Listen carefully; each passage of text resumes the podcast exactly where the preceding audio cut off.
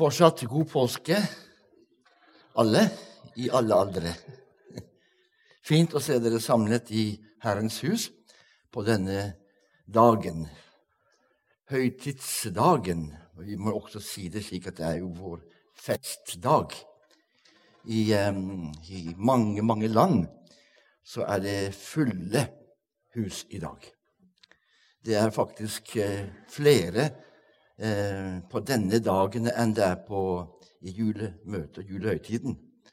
Eh, fordi det er denne dagen som legger grunnlaget for alt det vi holder på med i Guds rike, nemlig Jesu død, hans oppstandelse, hans seier, som forkynner at graven brast. Ja, han lever. Han lever ennå. Eh, den teksten som vi hørte til innledning, som ble lest av Stein, eh, det er en tekst som går igjen i flere av evangeliene.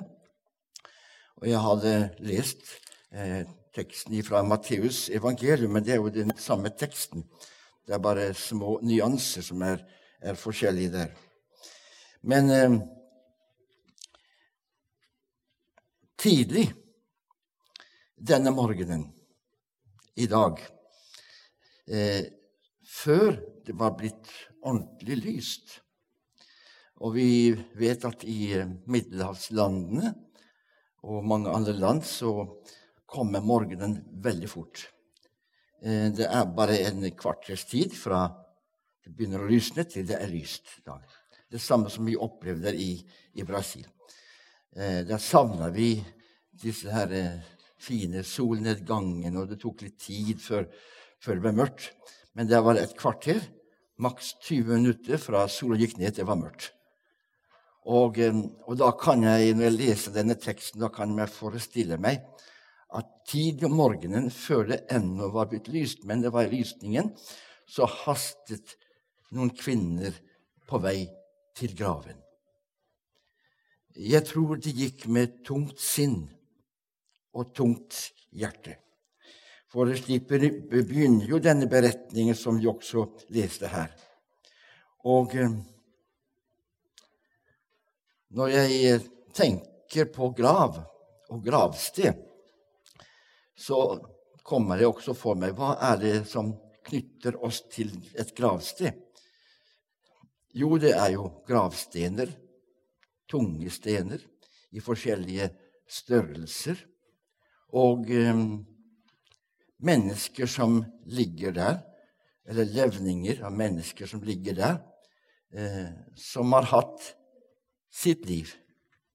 Men eh, nå er det en minnesten, en gravsten med noen ord eh, som gjerne er knyttet til denne personen, til savnet, eh, til håpet, eh, som også eh, vi som troende har.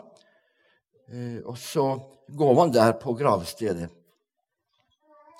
Eh, jeg husket spesielt da eh, rett etter min mor døde Det var bare noen uker etterpå.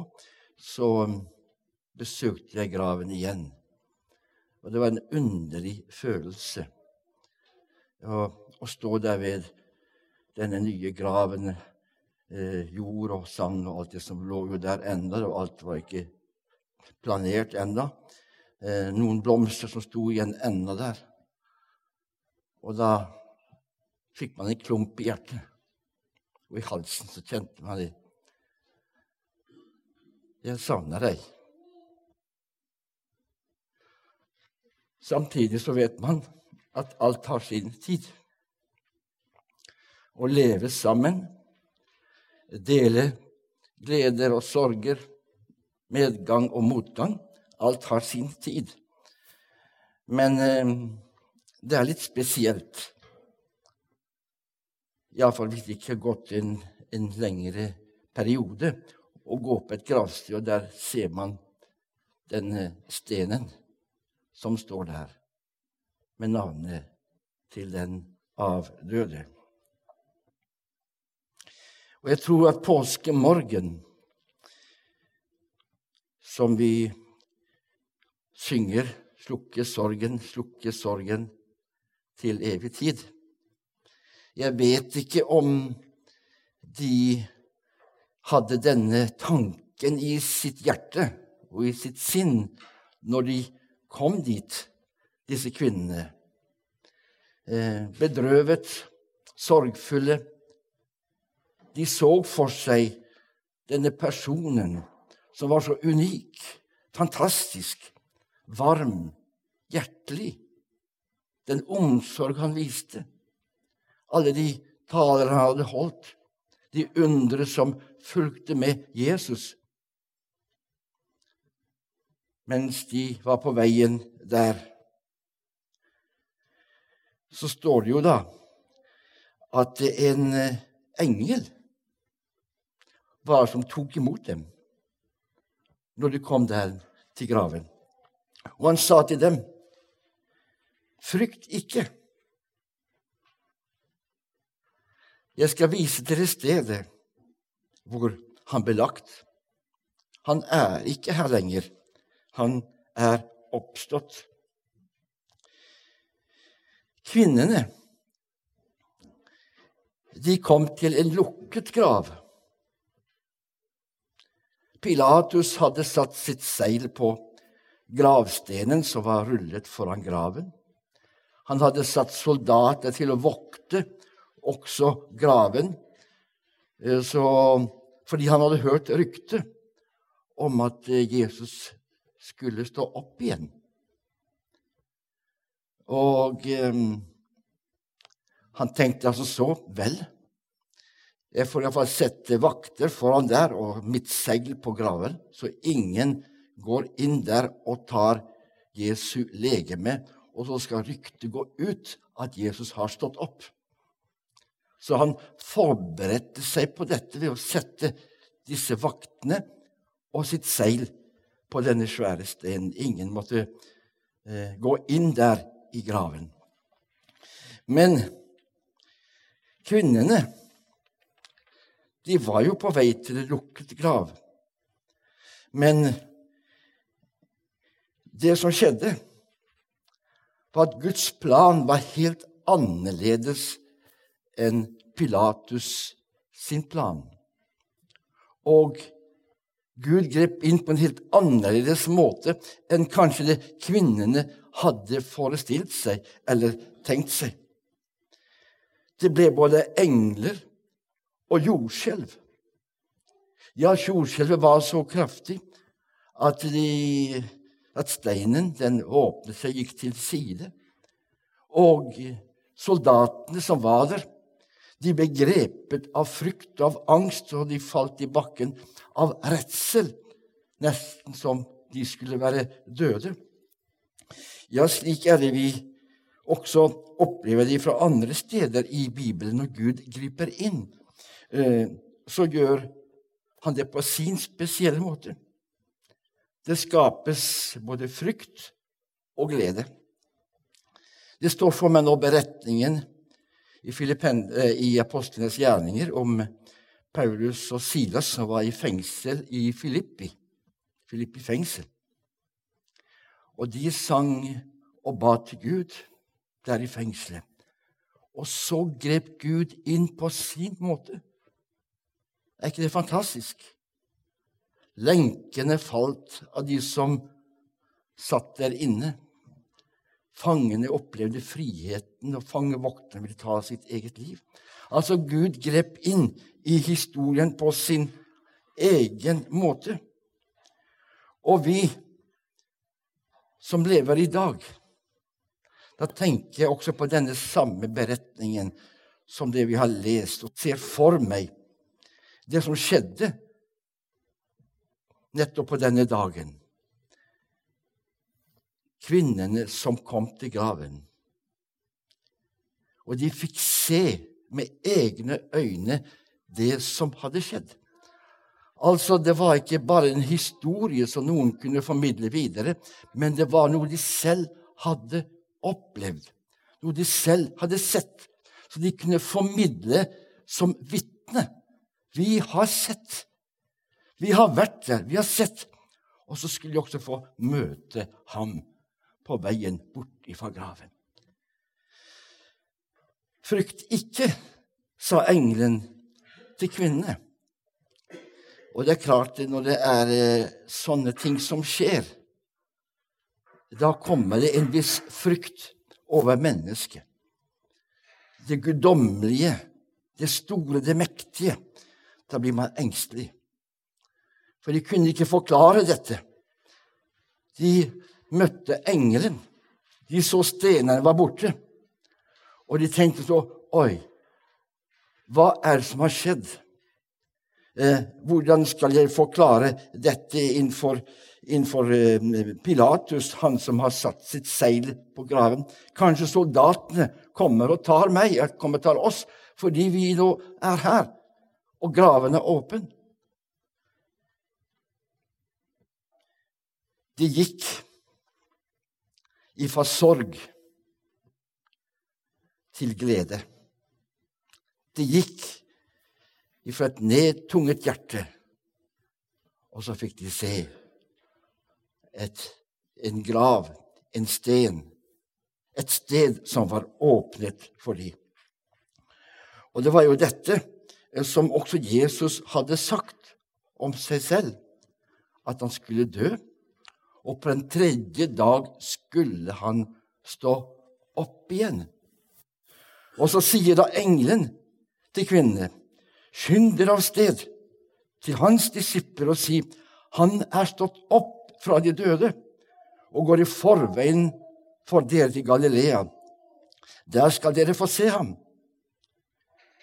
Kvinnene hadde i grunnen søkt på feil adresse, for å bruke et uttrykk som vi tenker.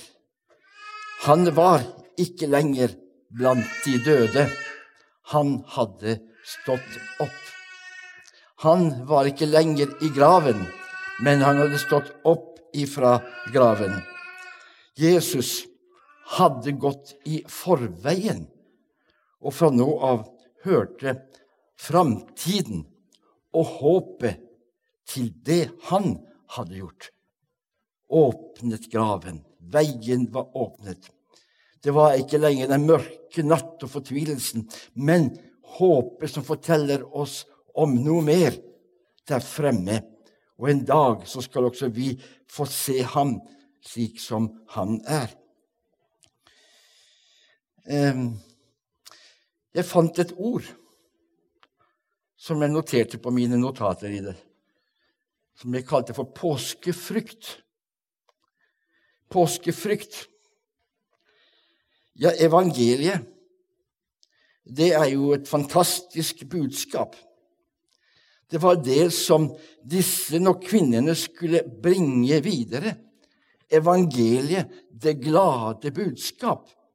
Disse skulle løpe av gårde til hans disipler og fortelle hva som hadde skjedd der ved graven. Men samtidig så tror jeg at eh, en slik opplevelse som de hadde, det skaper både frykt og glede. Og jeg tror også, når vi får oppleve noe av dette, at Gud kommer oss spesielt nær, kanskje med et kall, med et nerve på en spesiell måte i vårt liv, en situasjon så opplever vi nesten at vi får gåsehud og frykt, men samtidig glede. For den allmektige kommer oss nær med et spesielt inngrep, et ord. Han er til stede, usynlig, men han er til stede plutselig i en situasjon. Så vi blir nesten lamslått, og så ser vi jo Herren var der. Herren møtte meg. Herren talte til meg. Han ga meg et ord. Han var til stede som med usynlige armer tok rundt meg og løftet meg og styrket meg og, og ga meg noe som jeg selv i dag kan se tilbake på med stor takk og glede. Og når vi møter Gud på denne måten, så kan det være skremmende. Eh, for Gud er ikke vår likemann. Vi bøyer oss i ærefrykt innenfor den allmektige. Gud er ikke hvermann. Gud er den store allmektige som holder hele verden i sin hånd. Og menneskene blir så små og uverdige når vi møter denne allmektige, store, sterke, denne som har makten i sine hender på forunderlig måte. Som Jesus også uttrykte. Meg er nå gitt all makt, i himmel og på jord. Derfor kan dere gå ut og forkynne evangeliet for alle mennesker. Halleluja. Sånn er det når vi får budskapet, når Han kommer oss nær, møter oss, møter deg og møte meg på sin spesielle måte. Meg er gitt makt. Jeg har makt. Overlat dette i mine hender, og jeg vil bruke deg. Bare vær lydig. Bring dette videre, det du har fått av meg. Sånn er evangeliet. Sånn ble budskapet for kvinnene den dagen. At de fikk det, de fikk se, de fikk oppleve det. Det var ikke bare en teori, men en selvopplevelse som vitne om det som hadde skjedd. Det, og det er ikke noe som griper menneskene mer, og som vi kan bruke som kommunikasjonskanal, enn det du selv har opplevd. Det kan du fortelle videre. Og hvis menneskene prøver å, å eh, fornekte det eller komme med innvendinger imot det du har opplevd, det du fortalte, så kan du si det. Jeg har opplevd det. Jeg har erfart det. Halleluja. Det er her kraften kommer igjennom evangeliet og Guds ord. Gjennom deg også til menneskene. Du har opplevd det. Det er ikke bare en teori. Det er en opplevelse som har grepet deg og gjort noe med deg i ditt liv. Og det er dette budskapet vi kan få bringe videre. For kvinnene var dette en fantastisk opplevelse, både frykt og glede. Men så står vi jo om soldatene. De skalv av redsel og ble liggende som døde. Og de opplevde påskefrykt og redsel. Altså frykten for det de hadde fryktet for. Det skjedde. Sikkert så hadde de hørt det når de skulle holde vakt der ved graven. Men så står det i hebreerbrevet Jeg syns det er et flott ord, men veldig viktig å ta med seg. Hebreerbrevet 10, vers 31. Det er forferdelig å falle i den levende Guds hender. Det er forferdelig å falle i den levende Guds hender. Og det gir oss alvorstanker. Eh, man leker ikke med Gud. Man skal ta Gud på alvorlig og ta det inn over seg. Gud, du er den store, den mektige. Og eh, takket være det som skjedde der denne dagen, så hadde vel Om ikke det hadde skjedd, så hadde vel vi også vært som disse soldatene. De hadde vært uten håp og uten Gud. Da hadde vi vært fremdeles hedninger som ikke kjente evangeliets lys og kraft, hva det kan gjøre med menneskene når de kommer til ham og de søker ham. Men eh, Gud så at Synden skilte menneskene ifra ham. Og resultatet av det menneskene hadde valgt, det gjorde skillet enda større.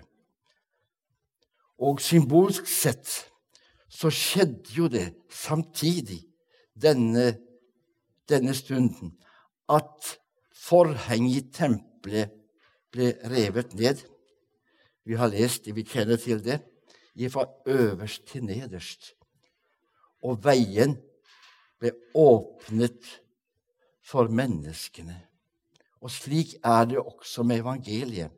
Gjennom Jesus Kristus ble veien åpnet til Gud.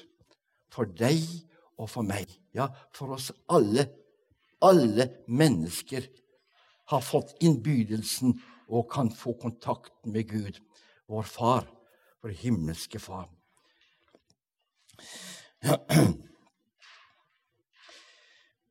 Paulus har skrevet romerbrevet, kapittel 3, vers 23. Alle har syndet og står uten ære for Gud. I den gamle oversettelse sto det 'alle har syndet og fattes Guds ære'. Ja, alle menneskene. Derfor var det så viktig at Gud grep inn i historien på sin fantastiske måte. En som kunne gå inn som stedfortreder for synderne. En som kunne betale syndens skyld, straff og dom. Og han sendte sin egen sønn. Jeg må ta et skriftsted til som jeg syns er så talende og så klart. 2. Korinterbrev, kapittel 5, og vers 21. Han som ikke visste av synd, altså Jesus Kristus, har han gjort til synd for oss, for at vi i ham skulle få Guds rettferdighet. Han som ikke visste av synd. Han ble gjort til synd for oss, for at vi skulle bli rettferdiggjort. Det er nåde over nåde. Halleluja! Fantastisk å lese hvordan Paulus hadde fått innsikt i disse verdiene, disse sannhetene.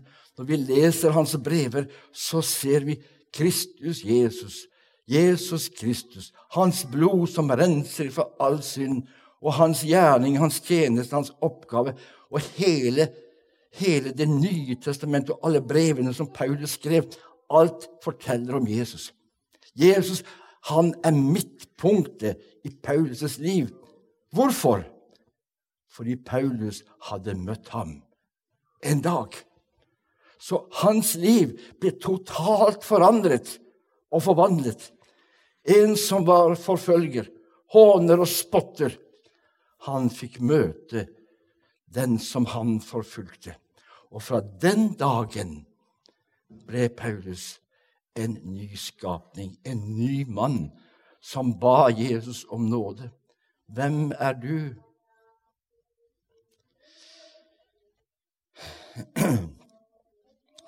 Ja, det var Gud som tok initiativet. Og han sendte sin egen sønn fordi rekkevidden av menneskenes fatale valg den var så stor. Inkludert de menneskene som levde i Midtøsten og middelhavslandene, ja, i hele verden. Så skriver jo da Paulus Jeg siterer det samme, 2. Korinterbrev 5,19, et annet vers her.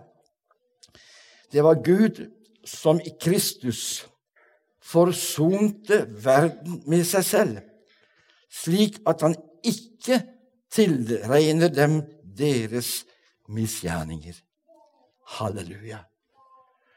Gud i Kristus forsonte verden med seg selv.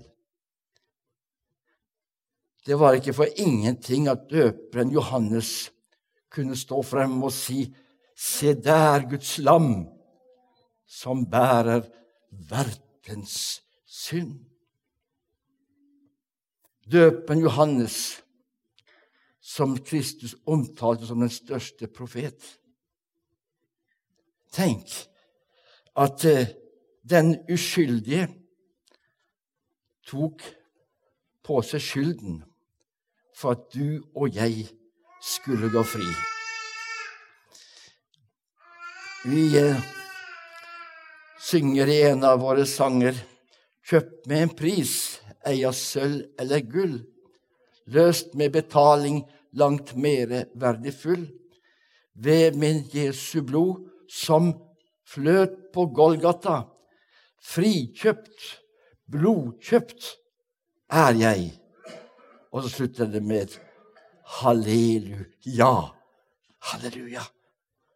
Det er dette budskapet som er det fantastiske vi enda en gang kan minnes og takke vår Gud og takke vår Frelser og vår venn Jesus Kristus. Han, den uskyldige, han tok prisen for deg og meg.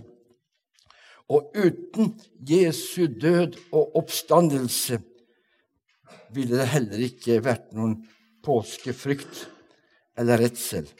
Men takket være påskemorgen så kunne vi synge denne sangen som vi sang stående påskemorgen slukker sorgen. Slukker sorgen til evig tid. Den danske presten Grundtvig skrev denne sangen. Han levde jo da på slutten av 1700-tallet. Sanger, eller eh, dikterprest han skrev mange, mange sanger. Det fortelles også om Grundtvig, at det var han som eh, startet og stiftet eller startet folkehøyskolene, som vi har mange av i, i Norge og også i andre land. Det var han som la grunnlag for dette, for å kunne følge opp ungdommen og gi dem det kristne verdier, det kristne budskapet. Ikke bare fra prekestolen i kirka, men gjennom undervisningen så fikk man folkehøyskolene. Og han var det som la grunnlaget for dette. Det er jo interessant når man leser historien til, til denne presten. Men da Jesus døde på korset, så ble veien åpnet for alle mennesker. Fra nå av kunne alle mennesker søke den levende Gud. Det var ikke bare prestene, de utvalgte, som skulle gå inn der med offer og offergaver. Men veien var åpnet for deg og for meg, for alle mennesker. Det er derfor det står så fint i vår bibel at Gud han gjør ikke forskjell på, på folk. Han vil at alle skal bli frelst og komme til sannhetserkjennelse. Det sanne evangelium. Det sanne evangelium har jeg notert meg faktisk med litt store bokstaver her. Hvorfor og hvordan? Jo, gjennom det kvinnene de fikk se. De kunne vitne at det var sant. Det sanne evangelium. Og heldig Gud, heldigvis eh, at Gud sørget nettopp for dette. Og Paulus han skriver jo også i uh, sitt første brev til menigheten i Korint, og sier det slik Deretter viste han seg for mer enn 500 brødre på en gang, og av dem lever de fleste. Halleluja. Vitnesbyrd. Dokumentert. Skrevet, sett, opplevet. Og dette skjedde nettopp eh, i en periode da disse menneskene levde. Det var ikke bare historie, men det var faktisk en periode på, på mindre enn 20 år etter Getsemane og Jesu død. Så fortelles det her. De levde det og, og brakte det videre. Så vi har det i vår bibel i dag. På grunn av at det var selvopplevet. De hadde fått sett dette og kjente det i sitt hjerte. En unik mulighet som ble gitt til kristne, første kristne på den tiden. Tenk å kunne få høre det fra mennesker som hadde sett det, hadde opplevd det, hadde vært med på det. Jo, jeg kan vitne om det var han. Jeg har sett Jesus oppstanden. Jeg har møtt ham igjen. Og det er fantastisk. Derfor sier også Bibelen kast ikke bort deres frimodighet. Den har stor lønn. Bror og søster, det du har opplevd av Jesus, det du har opplevd av Hans ord, bring det videre med stor frimodighet. Og Derfor kan vi tro dette evangelium, dette budskapet, fullt og helt. Når vi går blant steinstøtter og minnesmerker på gravsteder, så vet vi at her hviler våre kjære og gravene til, til dem. Men eh, vi ser jo at her er det stein og jord og ikke noe liv. Men Jesus sto opp fra de døde for aldri mere dø igjen. Og han er førstegrøden av avlingen om våren. Det er jo interessant, han bruker det uttrykket der, Bibelen. Førstegrøden av avlingen. Altså den første avlingen etter vinteren. Altså på våren så var han førstegrøden om dette. Og Paulus han bevitner dette og sier da i disse ordene, også i første Korinterbrev, men kapittel 15, vers 20. Nå er Kristus stått opp fra de døde, som førstegrøten av dem som sovnet inn. Kristus som førstegrøten av dem som sovnet inn. Og det betyr at Jesus har banet veien for deg og meg like inn i helligdommen. Og en dag skal han hente deg og meg til sine himmelske saler, til der han har gjort i, sted, gjort i stand et sted hvor vi skal få være. Og eh, det betyr at eh, en dag skal også disse som eh, har blitt lagt i gravene, stå opp. Det forteller om en evighet, altså et gjensyn med disse som blitt lagt i graven. Vi kjenner våre begrensninger som mennesker. Eh, eh, vi eh, er ikke lenger som en 20-åring, som en 15-åring. Den naturlige prosessen gjør seg gjeldende i oss. Jeg tror ikke vi blir 200 eller 300 år gamle men det er en naturlig prosess som skjer i mennesket. Og vi vet at en dag så kommer den dagen da vi må legge ned vår vandringsstav hvis ikke Herren har hentet oss hjem. Men vi har det evige håpet, halleluja, at vi skal se hverandre igjen. Vi skal se ham igjen. Vi skal se hverandre igjen. Og det evige håpet bringer håp om at vi i dag skal få være med og synge lammets nye sang. Halleluja. Og der sangene skal lyde som mange vanners brus. La oss derfor bære dette glade budskap videre fra Elvebyens familiekirke, eller der hvor vi enn er, bringe dette videre til en verden som leter etter holdepunkter, og som kan gi håp både for dagen i dag og for fremtiden. Vi kan si at Jesus lever. Han er ikke langt borte fra oss, men kall på ham den stund han er nær, og menneskene kan velge å ta imot ham. Herre, vi takker deg.